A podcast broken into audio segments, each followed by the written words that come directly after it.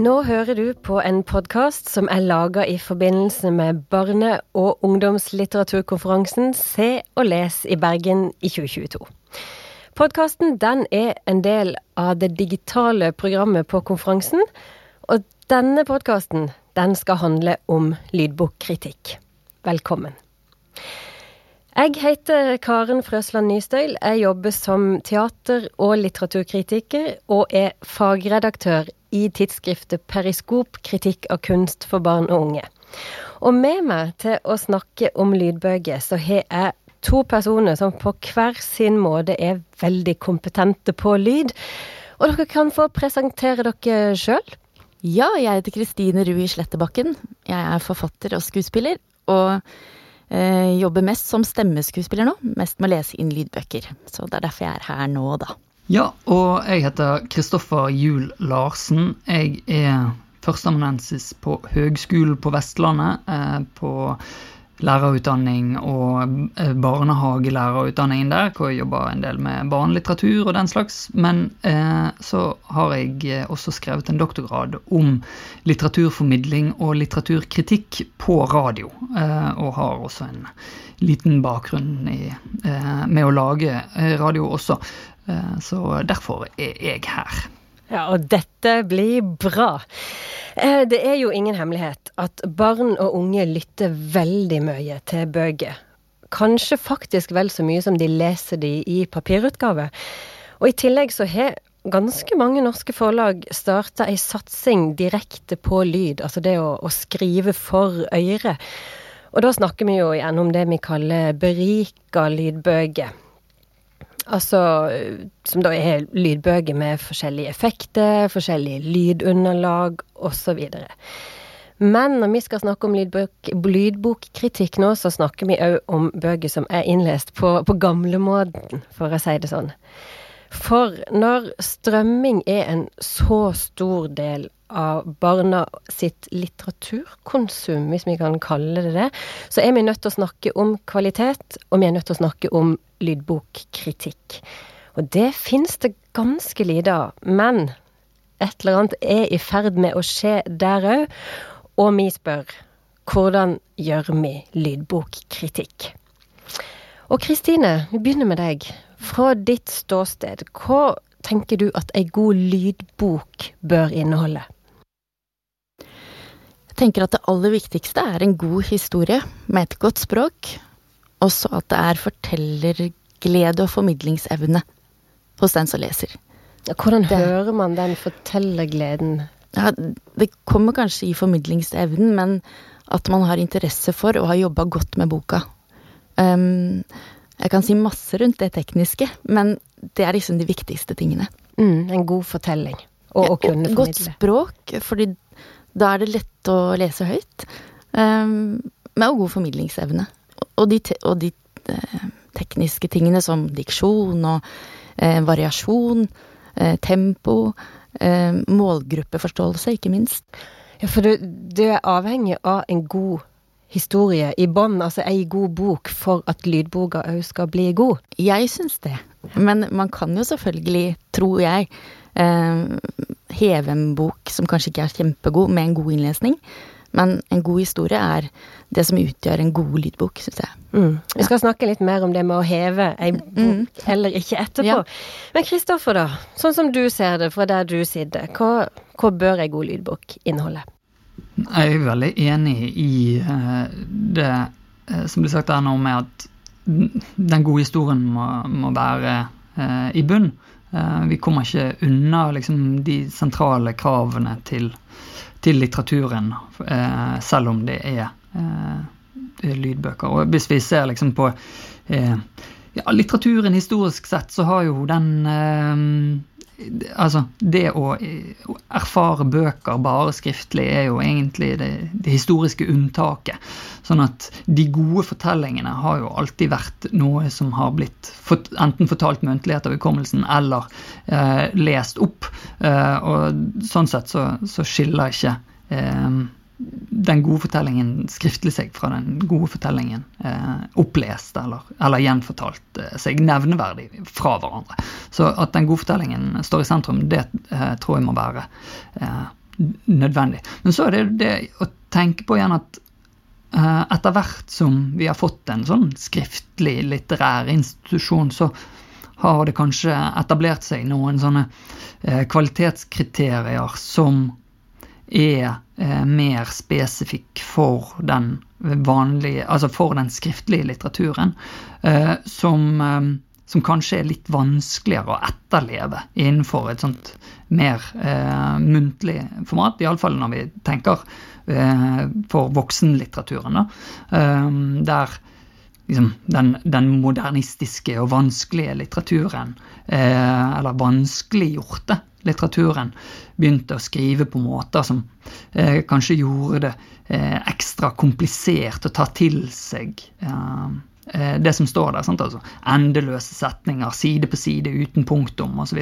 Den typen måter å, å uh, uttrykke seg på som kan fungere skrift, i skrift, men som kanskje er vanskeligere å, å formidle eller oversette til et, eh, et opplest uh, format. Så, sånn sett så er det i hvert fall noen forskjeller på kvalitetskriterier i eh, skriftlig eh, litteratur versus eh, muntlig litteratur, hvis vi skal eh, skille eller operere med to sånne kategorier.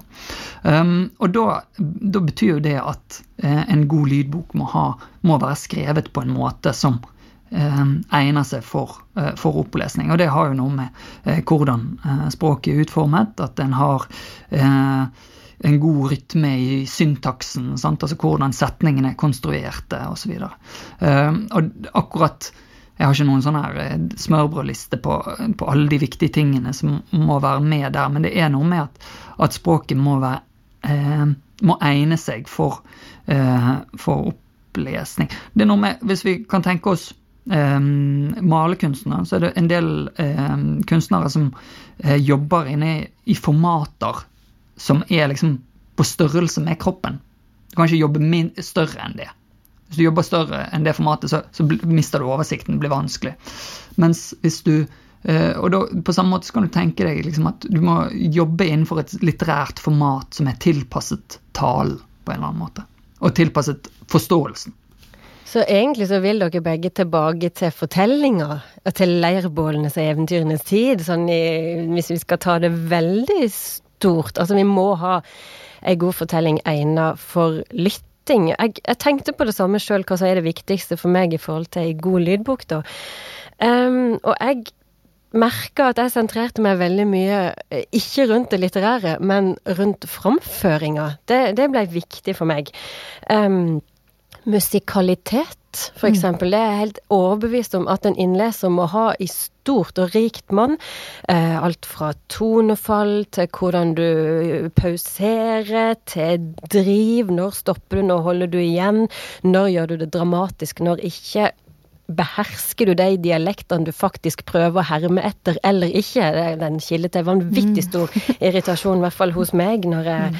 lytter. Og så tenker jeg òg, veit um, den ene setninga hvor den neste skal hen? Mm. Det må, det må være der. Og da uh, handler det for meg kanskje mest av alt om at jeg må høre at historier fins på innsida hos den som leser. At um, at det er en eller annen form for regi på det, kanskje, men at den som leser, kjenner materialet som skal ut, og har prosessert det på en mm, måte i kroppen kroppen. Munnen har uttalt ordene før. Eh, sånn at det ikke bare er Jeg tror jo ikke på at man kan sette seg ned på heimekontor og koble på lydutstyret, finne fram den boka du fikk i posten i går, og så starte å lese den opphøyt og tro at det skal bli ei god lydbok. Det, det er altfor enkelt for meg. Mm. Men ja, hvis du er Kristine, ja, dette kan jo du. Jeg nikker veldig nå, for det, det med formidlingsevne, som jeg sa i stad, alt det du sa nå, henger jo er inni det for min del, da. Mm. Uh, ja, det, med pauseringer og at alt er tatt tydelig valg på, og du vet alltid hvor du vil. Og jeg tenker også det du sa, Kristoffer, med komplisert tekst som kanskje ikke egner seg. Så kan det jo hende at det gjør det, men da må det bearbeides og forberedes skikkelig godt. Jeg leste inn uh, den nyeste til Knausgård, et lite parti, og det er jo kjempelange setninger, masse innskutte leddsetninger, eh, så går han og assosierer bort hit og dit, og så tilbake. Så må jeg vite hvor er buen, hvor begynner han? Ja. Hvor mange komma og oppoverpiler jeg må sette i den setningen. Hvor skal jeg trekke pusten? Ja, ikke minst. Og, og liksom, hvor er hovedordene, hvor er det han vil? Ja, han vil dit, og så vil han dit, og så vil han dit også, i den setningen. Så hvis ikke jeg har forberedt det kjempegodt, så er det en vanskelig og nesten umulig tekst å lese høyt. Men det er en Mm. god Det er et godt språk likevel. Selv om det er vanskelig. Så derfor er det også eh, tenker jeg at den egner seg veldig godt til lydbok, selv om det er kjempevanskelig tekst, på en måte. Så de må jeg tror møtes, da. at eh, det, det poenget der som dere er inne på, på nå med at eh, lesingen krever eh, en eh, en forståelse og en fortolkning av av teksten er, er helt eh, sentralt. Men hvis vi ja, går tilbake til det her poenget med eh, hvilke typer tekster er det som, som egner seg. Sant? Altså, noen, vi kan iallfall være enige om at noen tekster er enklere å, oversette eh, til, til lyd, eller enklere å fortolke. Og det er jo kanskje bare rett og slett fordi at de de er enklere å, å ta til seg, enklere å forstå hva som faktisk står der. Sant? Altså, du, du beskrev jo veldig fint nå, Kristine, det arbeidet som eh, du måtte gjøre for å eh, ta eh, Gjøre med Knausgård-teksten for å eh, eh, gjøre den teksten eh, til et, et, et godt lyduttrykk. Um, men det, det du beskrev der, er jo egentlig det arbeidet som alle som leser den teksten, må gjøre når de skal fortolke teksten. sant? Um, all lesning er på en måte eh, en slags eh, performance av den teksten, men du gjør det for deg sjøl. Eh, men når du gjør det på, på vegne av de som skal, eh, skal høre teksten, sånn, som ikke leser den sjøl, så krever det jo nettopp et, et helt annen type Eller da krever det en, en veldig bevissthet omkring det arbeidet som vi vanligvis ikke har eh, når vi skal lese et manuskript eh, høyt. da. Iallfall vi som ikke er skuespillere. Og så er det jo et ekstra ledd liksom fra det skrevne utgangspunktet til den som tar imot det. Så det er jo en tolkning på veien der, som du sier, som, er, som vi som lytter til det, og som skal anmelde det, faktisk må tenke på at det vi får, er jo en fortolkning Mm. av Ja. noe.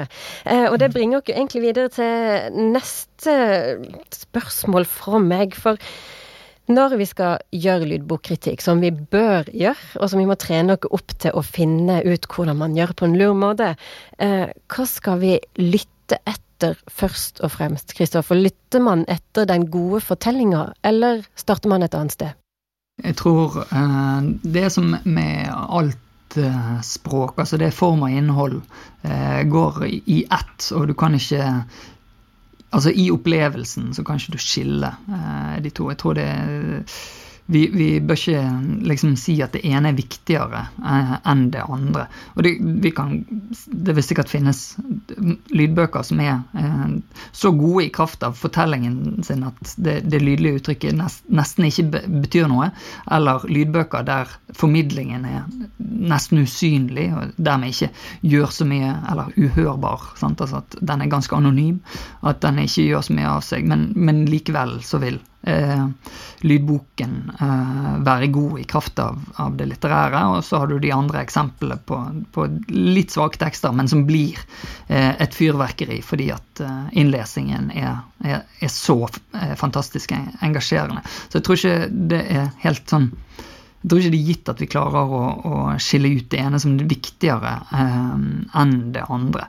Men jeg tror at eh, uansett hvordan du tilnærmer deg det, så er jeg nødt til å gå gjennom prosessen med å både vurdere eh, fortellingen og formen på eh, og det lydlige uttrykket. Og hvordan, eh, hvilken forståelse for teksten som innleseren eh, gir uttrykk for, og hvordan eh, innleseren klarer å, å gi det uttrykket. da.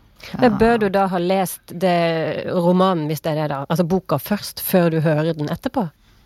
Det er jo ikke alltid at det er, er mulig. Nei. Altså, jeg tenker eh, Hvis vi ser liksom på nå, nå, er jo lydboken et format som har er noe vi tenker på som et, et sånt sideformat til eh, Eller eh, noe som kommer i tillegg til den ekte boken. Sånn. Men hvis du ser på eh, hvordan en del litteratur har blitt utviklet, eh, og det, det, gjelder i eh, Ikke i så stor grad i Norge, men, men hvis vi ser særlig i barnelitteraturen, så har, har, vi jo eh, Vestli og, og Torbjørn Egner sant, som drev og produserte tekster for radio, eh, og skapte eh, der egentlig lydbøker, sant? Eh, eller hørespill, men noen mm. ganger var det bare fortellinger. Eh, og dermed Og ut ifra det skapte litteratur. Det, så, så, kom bøkene. Sant? Det var en et vekselvirkning mellom lydmediet og eh, tekstmediet. Um, så å, si liksom kravet at du må ha eh, lest eh, det, må ha lest boken for, for å kunne verdsette lyd eh, Eller ja, verdsette lyduttrykket på en skikkelig måte. Nei, det vil ikke jeg være enig i. Jeg tror at sånn som ja, både sånn som folk leser eh, bøker, og hvordan folk hører på lydbøker, så er det en, et urimelig krav, da. Fordi at de fleste vil jo ikke forholde seg til begge deler. De fleste vil jo bare forholde seg til den ene.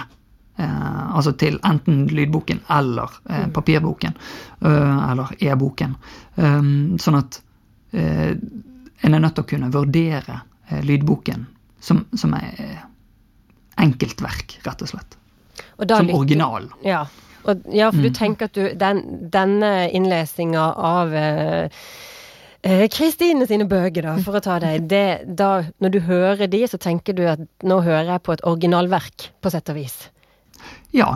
Altså, det er jo en, en, ehm, en tradering av verket. Det er en ny, en ny versjon. Sant? Og en kan selvfølgelig eh, liksom, gå filologisk til verks og si liksom, her er eh, at papirutgaven er det originale. Den kommer først, og du leser fra den. Men, men som uttrykk så er det et verk som står på egne bein.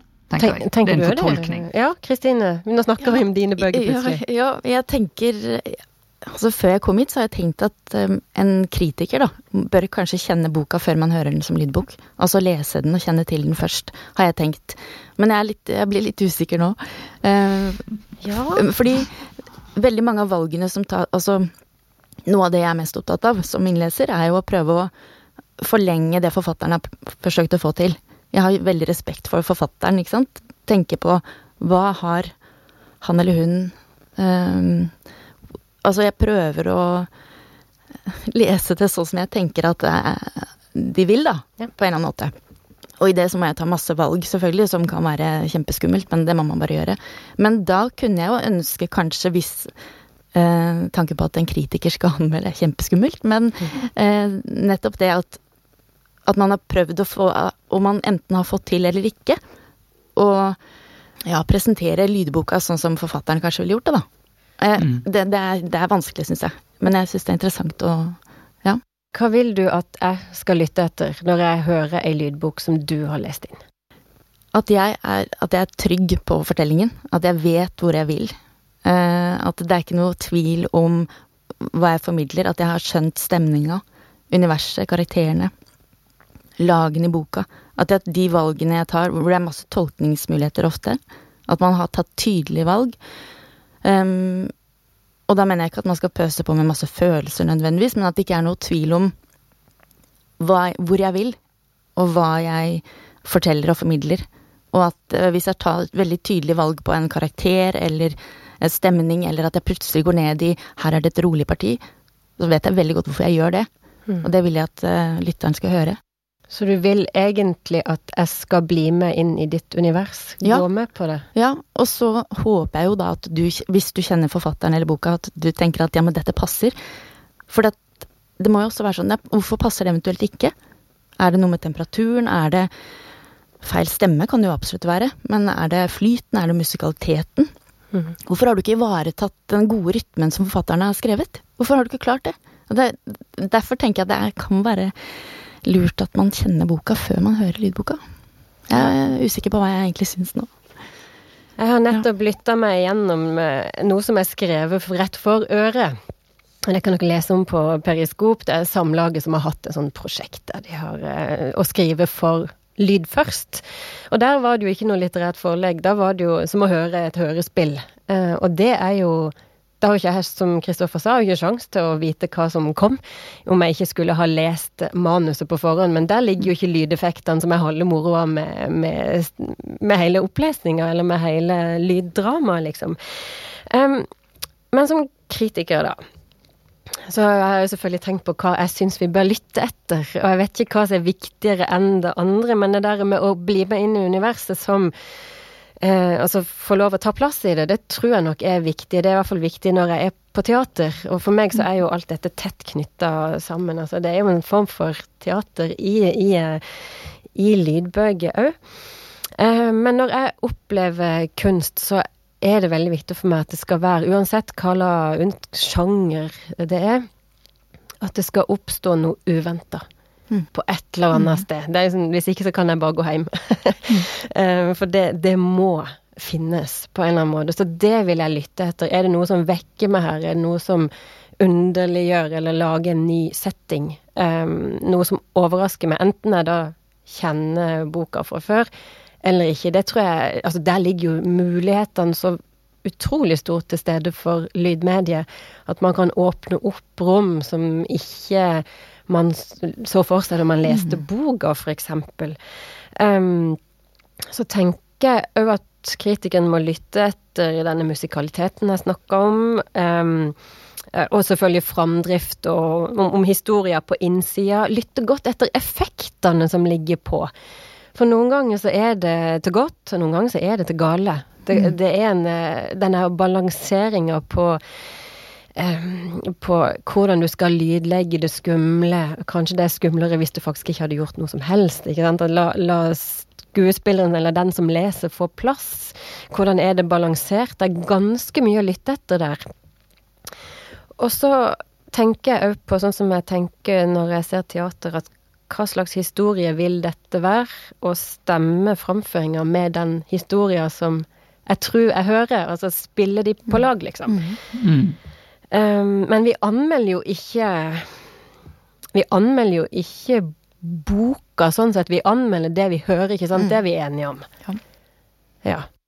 Jeg tror, man, jeg tror det, men Kristine var jo eh, inne med noen sånn gode innsigelser mot min eh, vekt på, eh, på eh, lydboken som et, som et, eget verk. Sant? Og hvis vi tenker på eh, ja, en, eh, en, filminnspilling basert på en bok, så er det selvfølgelig klart at det gir eh, nødvendig kunnskap til kritikerne å ha, eh, ha, lest boken på forhånd for å kunne vurdere filmen som en adaptasjon.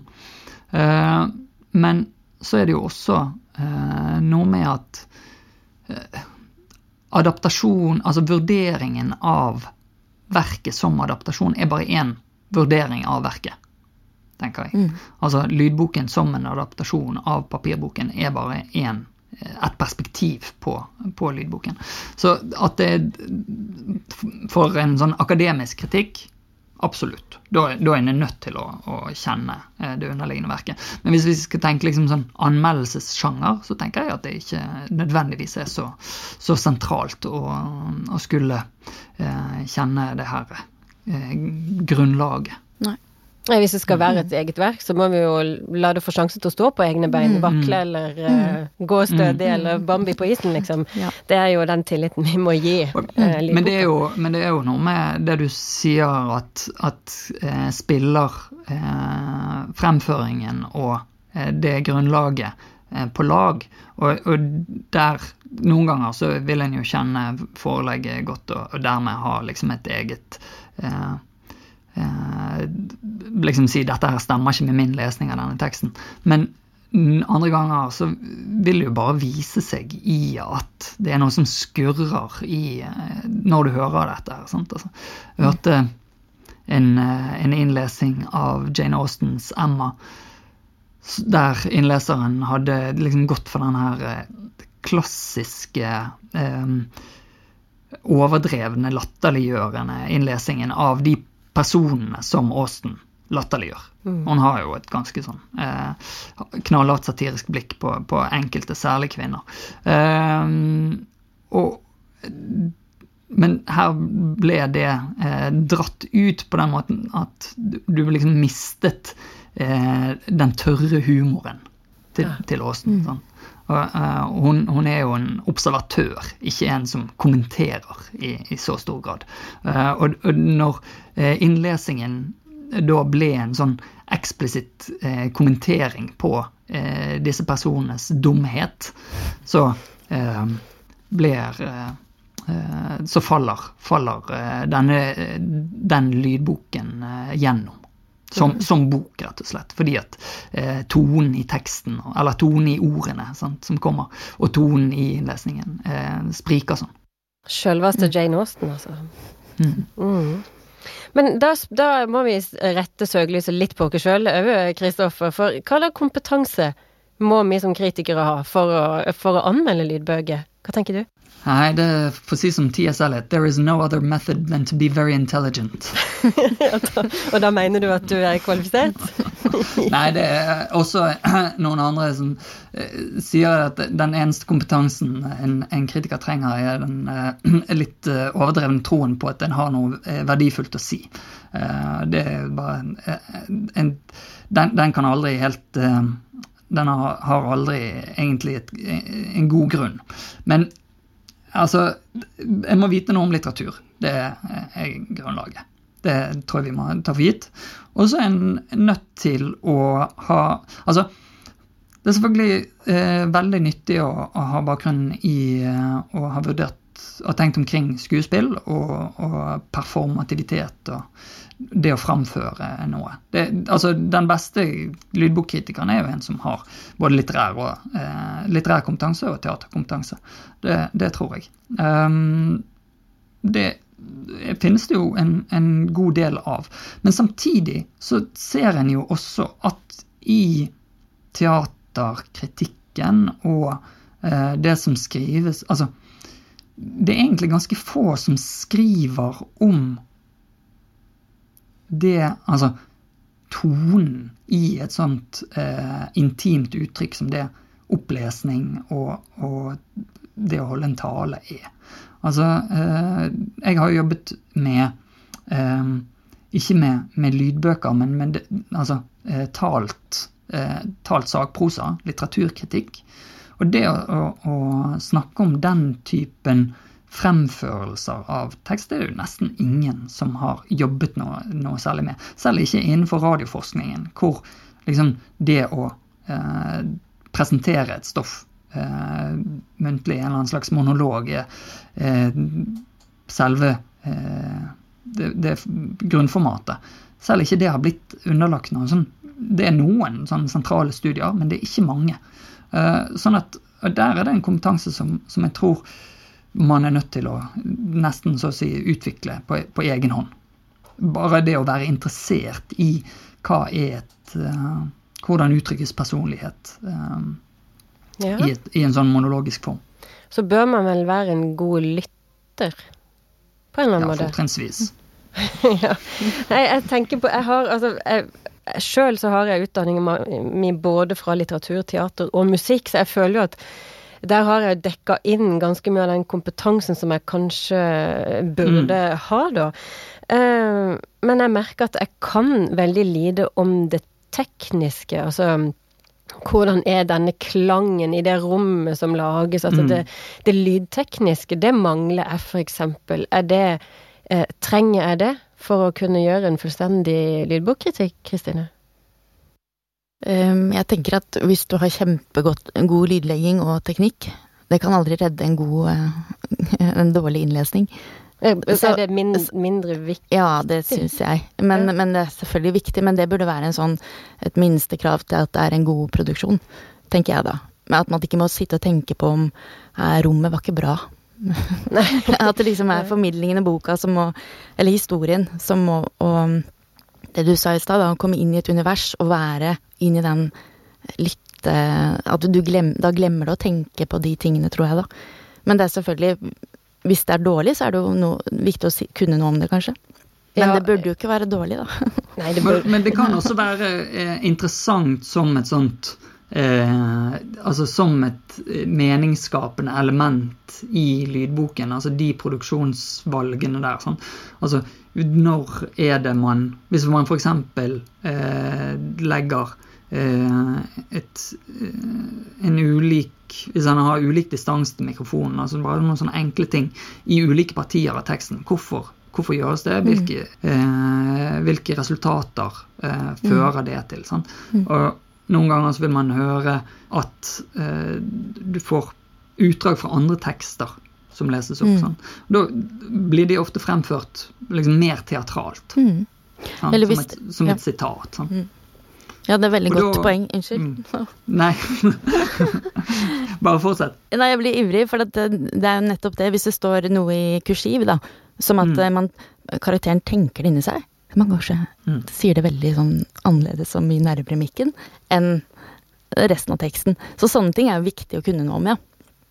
Ja. Ja. Men det kan, trenger han jo ikke eh, ha veldig stor eh, teknisk eh, kunnskap om for å, for å vurdere. Men du kan vurdere uttrykket. Mm. Sånn? Og så kan det, hjelper det jo selvfølgelig Um, altså En blir jo en bedre lytter av å kunne noe om hvordan lyd produseres og hvilke valg som er tatt. Ja. Det, det, det kjenner vi alle til fra altså, du, Hvis du vet noe om hvordan du, du gjør det, så er det lettere å, å eh, si, avsløre eh, de som gjør lignende ting. Sant? Men, men eh, det er ikke egentlig strengt nødvendig å vite det, liksom det tekniske grunnlaget for det. Men jeg lurer på en ting. Bør det være regi på lydbokinnlesning, Kristine? En, altså en uavhengig regissør eh, som Ja. guider deg? Da blir det jo en Ja, det hadde vært interessant. Eh, Jeg pleier jo ikke å få det selv. Eh, Det er veldig mye mine egne valg som gjør det det blir. Ja, nå klarer jeg ikke å formulere det. Så, Nei, men det er du som, Ja. er du som står for det, da. ja. Stort sett så Ja. er det oppdragene dine Ja. er sånn at du, får denne teksten, Mm. denne skal du eh, Ja. lese opp. Ja. Og da er det forberedelsen som er på en måte hovedjobben min før jeg går i studio. Så det er den eh, som er regijobben min, da. Men det hadde vært interessant med noen andre som Noen ganger så har man jo en produsent eh, i studio også. I tillegg til en tekniker. Og da, men da er det mer for å lytte, og så stopper de hvis Nei, kan du ta den setningen om igjen? Eh, Ja, altså ikke sånn men- Ikke mer sånn Er du sikker på at denne karakteren er så trist akkurat nå, liksom? nei, det er ikke det er ikke det er mye du det. ferdig med. Ja det, det, man må komme i studio og være klar for det man skal gjøre. Man kan ikke ta mange valg da. Nei, så de er tatt på forhånd. De, altså, altså, og innspillinga, det er der og da, Ja. og da er det bestemt, på en måte. Ja. Så jobben skjer hos deg Ja. i forkant. Jeg sitter og noterer hvem som sier hva i en dialog, sånn at jeg vet når jeg leser i manus Å ja, nå kommer den dialogen der nede. Da skal jeg skifte mellom de to. Mm. Da står det P og K. For eksempel. eh, Jeg kan ikke stoppe underveis og tenke meg om å ta det på nytt. Hvis jeg sitter med en tekniker, så skal jeg helst ikke gjøre det, da. Nei, Og du har bestemt deg for dialekter på P og K. Og, Ja, ikke sant? P er jo veldig sånn sutrete type og Mm. ja. Men eh, målgruppe, vi har snakka om Jane Austen, og vi har snakka for så vidt litt om Torbjørn Egner og, og eh, Knausgård. Men dette handler jo om lydbøker for barn. Det er det virkelig det som slukes og strømmes eh, mest av alt for tida. Um, er det Det er jo helt sikkert Du snakker om målgruppetenkning, Kristine. Hvilke ting må man ta høyde for? Hva er det, hvordan skal man tenke? Hva er viktigst? eh, når man lager lydbøker som barn skal høre på, kontra liksom det som vi voksne kan lytte til. Jeg tror det er veldig mange av de samme tingene, men at det forsterkes for barn. For eksempel tydelighet, da. Tydelighet i valg, tydelighet i hvordan få fram fortellingen. Man må ta noen ekstra hensyn i eksempel når en dialog eh, skal leses. Skille mellom karakterene. Eh, man kanskje gjøre på en tydeligere måte for barn. Og, eh, og tydelighet i hva man skal vektlegge hvis det er tolkningsmuligheter, og gjøre det lettere tilgjengelig. Eh, Hvordan det Eh, er nei, altså, tilgjengelig. Eh, det skal ikke være vanskelig å skjønne hva som foregår. Uh, Nei, og det må ligge i stemmen din, på en måte. eller det kan og fall, det, ofte så er det Altså i hver setning er det jo valg å ta. Nesten i hvert ord. Og så Man kan jo lese ganske flatt og ikke ta mange valg, men for barn Mm. så er det viktig å gjøre det. Uh, de trenger gjerne litt hjelp noen ganger, for det er mange måter å lese en setning på, eller en replikk. Så hvis man skjønner at 'å ja, hun er skikkelig ironisk her', Mm. det er ikke sikkert barna hadde skjønt hvis man leste det. Men Og det må jeg være 100% sikker på, da, hvis jeg Så da gjør det ironisk. all in Men- ironisk, liksom? Ja, i hvert fall nok til at det er tydelig at det er dette Ja, Mm. Men du er ikke redd for at det skal bli stereotypt, da? Litt sånn karikert? Det er jo en Ja, det er en sikkert, det er det. kjempebalansegang. Så tydelighet eh, må ikke vippe over i stereotypien nødvendigvis, da. Men at det er, det er ikke tvil om hva, hva forfatteren har prøvd på. Det er vel egentlig det. At jeg kan hjelpe en med å tolke. For at det må være tydeligere for barn. Um, tror jeg. Jeg vet ikke om dere er enig i det. Du har jo hørt Nei, eh, jeg, litt, jeg tror det er, er, er riktig, og at eh, Altså, det er en, en tradisjonell tilnærming til eh, barnelitteratur at, eh, at barn trenger hjelp inn i, i teksten, og det eh, vet vi jo av erfaring at det, det stemmer eh, som oftest. Og, og at eh, Altså litteratur, eh, eller tekst, er, et, en teknologi som gjør det mulig for oss å eh, dvele ved den. Sant? Og det har vi jo ikke eh, anledning til i, i møte med lyd. Den kommer og, og forsvinner. Sant? Så du har ikke den, anledningen til å reflektere over ja, var det ironisk. Kan du, du kan ikke gå tilbake og, og, og vurdere den eh, situasjonen på nytt på samme måte eh, når du hører, for det, den er, eh, det er en, en stadig strøm. Eh, så, så at eh, kravet til tydelighet eh, er, er, viktig for, for innlesningen. Det, det tror jeg er, riktig. Det noe som også kan kanskje bidra til at en eh, i noen leirer har vært litt skeptisk til, til lydboken. Nettopp fordi at eh, eh, det kravet til, eh, til tydelighet gjør at noe av det, det tvetydige ved litteraturen, som gjerne har blitt fremhevet som eh, et sånn klassisk kvalitetskriterium, eh, mange, mangetydighet er, er bra.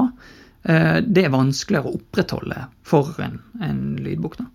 Men er det fare for at vi ufarliggjør uh, litteraturen når vi skal lage lydbøker for barn? Jeg tenker på uh, at eh, i vår, våre dager så er vi jo veldig redde for at det skal bli for skummelt for barna, f.eks. Så kanskje vi må gjøre det litt mindre skummelt og litt mer koselig. Uh, sånne ting. Kan, kan vi gå i noen felle der, da? Skal vi lytte etter om de har tørt å har våga seg langt nok ut på isen i lydbokproduksjonen? Skal vi det, Kristoffer? Ja, altså, eh, det er jo et, eh, en fin tanke, i hvert fall, å- stille seg, som jeg tror ofte er bra i de all slags kritikk. Altså, hva risiko er det mm. produsentene har tatt der? Hva, hva type risiko finnes der? Eh, og innenfor lydboken så finnes det kanskje noen særlige typer risiko. Og det der eh, risikoen for at det ikke er tydelig nok, er jo eh, altså en reell fare for, eh, for mediet, sånn som Kristine eh, fint beskriver, men det kan jo kanskje være at eh, det kan knyttes til en eller annen form for, for kvalitetsforståelse også. Da. Men, men jeg tror eh, Altså, ja, ufarliggjøring, ja. Men, men de, som, de som gjør eh, lydboken altfor snill, blir jo avslørt av eh, lytterne. Altså, Ja, det- du tror det? ja, sånn, I så måte har jeg tro på markedet eh, der, altså. At det, det, som, eh, det som ikke blir bra, det blir ikke bra. Det blir Eh. ikke, blir ikke plukket opp. Jeg har en interessant liten eh, anekdote der, for jeg har eh, Min sønn hjemme hørte på en, samme lydboka om igjen og om igjen, og flirte og lo og syntes det var så kjempegøy. Så jeg ble veldig nysgjerrig på hva det var han egentlig lytta til. Seks år gammel eller noe sånt. Og det var Arne Svingen sin bok 'Da Lise måtte fise'. Og da forsto jeg jo bare på tittelen at det er klart at du hører på den mange ganger. Eh, Men da jeg sjøl gikk inn for å lytte til den, så ble jeg faktisk uh, skuffa uh, sjøl. Eh, både fordi jeg syns ikke den derre trangen til å få ut det trykket Lise bar på, var godt nok spilt ut, uh, og at uh, innleser heller ikke hadde liksom desperasjonen eller, eller driven i teksten. Eller, og, og da begynte jeg å plukke på liksom kvalitetene i Veit den ene setninga hva som kommer etterpå, liksom, og sånn. Men for den seksåringen som hørte da Lise måtte fise sånn 50 ganger, eller hva det var, så var det liksom topp hele tida. Um, så Så der Ja, men da er det noe med at grunnlaget er godt nok, da. Altså, det ehm, det, den ja, Fisevitsen er, er, morsom nok i utgangspunktet. Den trenger ikke, trenger ikke hjelpen fra innlesingen. Nei, men trenger vi kritikk av den, da, liksom? Hvis den blir hørt 50 ganger på to uker? Ja, det, det tror jeg. Altså, hvis ønsket vårt er at uh, kulturen skal bli bedre, og at uh, Altså, selv om, selv om, folk er fornøyd, så betyr jo ikke det at det ikke kan være bedre. Det, et, det må være et utgangspunkt for enhver eh, kritiker. Mm, men strømmer blir den uansett. Det kan ingen stoppe. Nei. Nei.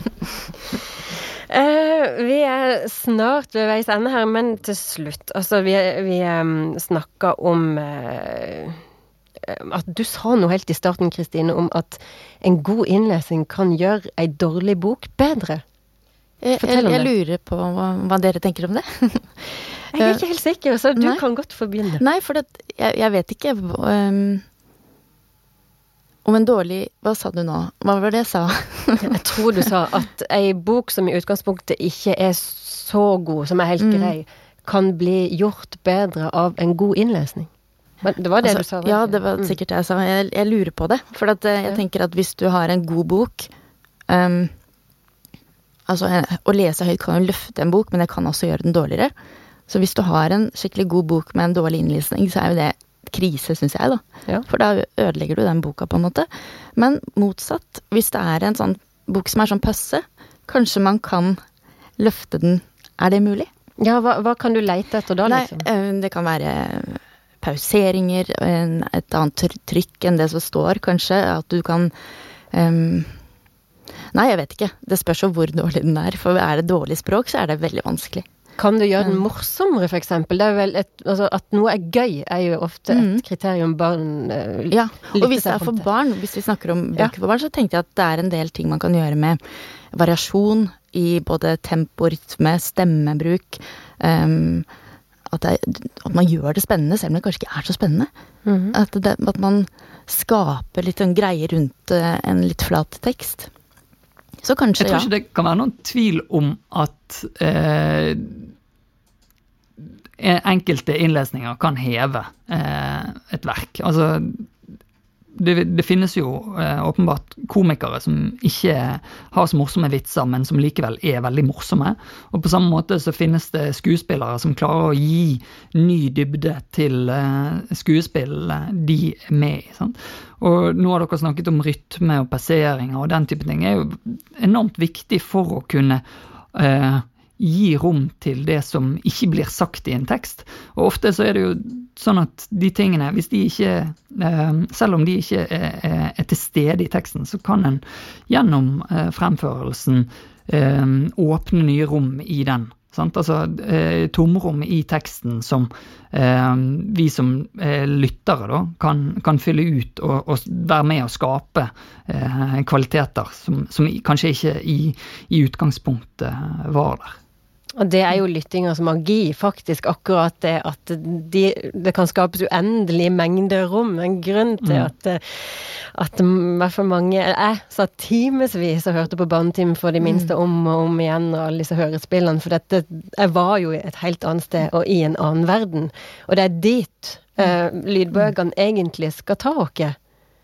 Ja. Faktisk. Ja. Og når vi snakker om barne- og ungdomslitteratur, så har jo det er en kjempefordel med at der er det rom for å gjøre mer av det, i hvert fall for barna. Eh, så når jeg snakker om det med å løfte, så er det på en måte mye lettere der også, tror jeg. Eh, for du kan tørre mer, du kan fargelegge mer, du kan leke mye mer. Det er ikke så greit å gjøre i voksenbøker. Så det er jo en mulighet man har som i, i lydbøker for barna, da. Vi trenger lydbokkritikk, mener jeg. Og det, er du med meg på den, Kristoffer? Absolutt. Ja, men, mer kritikk av alt, men særlig lydbokkritikker. Ja, men mm. sånn, hvorfor egentlig? Når det strømmes uansett. Hvorfor skal vi ha det, da? Altså, det er eh, Altså, verket blir til hos eh, den som leser, eller den som eh, lytter. Det er greit. Men for at eh, vi som eh, Altså, for at, for at eh, verket skal ha Eh, skal bli noe mer enn et kunstverk og bli en del av kulturen, så er den avhengig av at vi som fellesskap forholder oss til det. Eh, og da er eh, kritikken Det er ikke eneste, det eneste stedet der mennesker eh, forsøker å, å, tenke omkring eh, kunst og litteratur. Altså, det gjør vi hver og en av oss. Men for at de tankene der skal få noen eh, innflytelse utover vår egne solipsistiske eh, erfaring, så er det nødt til å, det nødt til å, skje noe i et fellesskap. Og da er kritikken et, eh, et glimrende, en glimrende arena for det. Så hvis vi skal ta lydboka på alvor, ta den for det den er, så trenger vi en offentlig samtale om den, og vi trenger kritikk. Absolutt. Men tåler du den, Kristine, hvis den er ramsalt? Det er kjempesårbart. Det er skikkelig vanskelig. Men jeg tåler den. Jeg syns det er veldig bra. Jeg tenker at det er uh, viktig at vi har samtalen rundt det, og at det Jeg tenker det er veldig bra. Ja. Helt til slutt, Kristin, du som er forfatter uh, og har lang erfaring med lydbøker og sånn. Hva Eh, hva slags Er det forskjell på å få kritikk for et litterært verk som er trygt og ferdig der ute, eller for det du har framført som strømmes til evig mm. tid? Hva, hva ligger liksom hjertet nærmest, eller hva, hva, rammer mest hvis det blir hardt? Jeg tror kanskje Og det er, det er et godt spørsmål, fordi begge rammer nok litt hardt. Fordi jeg, så er jeg veldig opptatt av lydbokinnlesning. Um, men, men det er teksten som gjør Jeg tenker ofte den jeg, uansett hvilken bok jeg leser. Så hvis jeg hadde fått skikkelig dårlig kritikk på min egen uh, bok, så hadde nok det vært verre. For det er jo hele utgangspunktet for om man kan ta det videre eller ikke. Om det blir bra videre eller ikke, tror jeg. Mm. Så det hadde vært verst. På boka? Ja. Mm. Da, Kristoffer, da er det jo bare å kjøre på egentlig med lydbokkritikk. Mm. Absolutt. Vi, vi satser på det. Vi satser på det. Da har vi snakka om lydbøker for barn og lydbokkritikk, og funnet ut at det trenger vi. Takk til Kristine Rui Slettebakken og Kristoffer Juel Larsen, og takk til Se og Les i Bergen, som faktisk tok tak i problemstillinga lydbokkritikk for barn.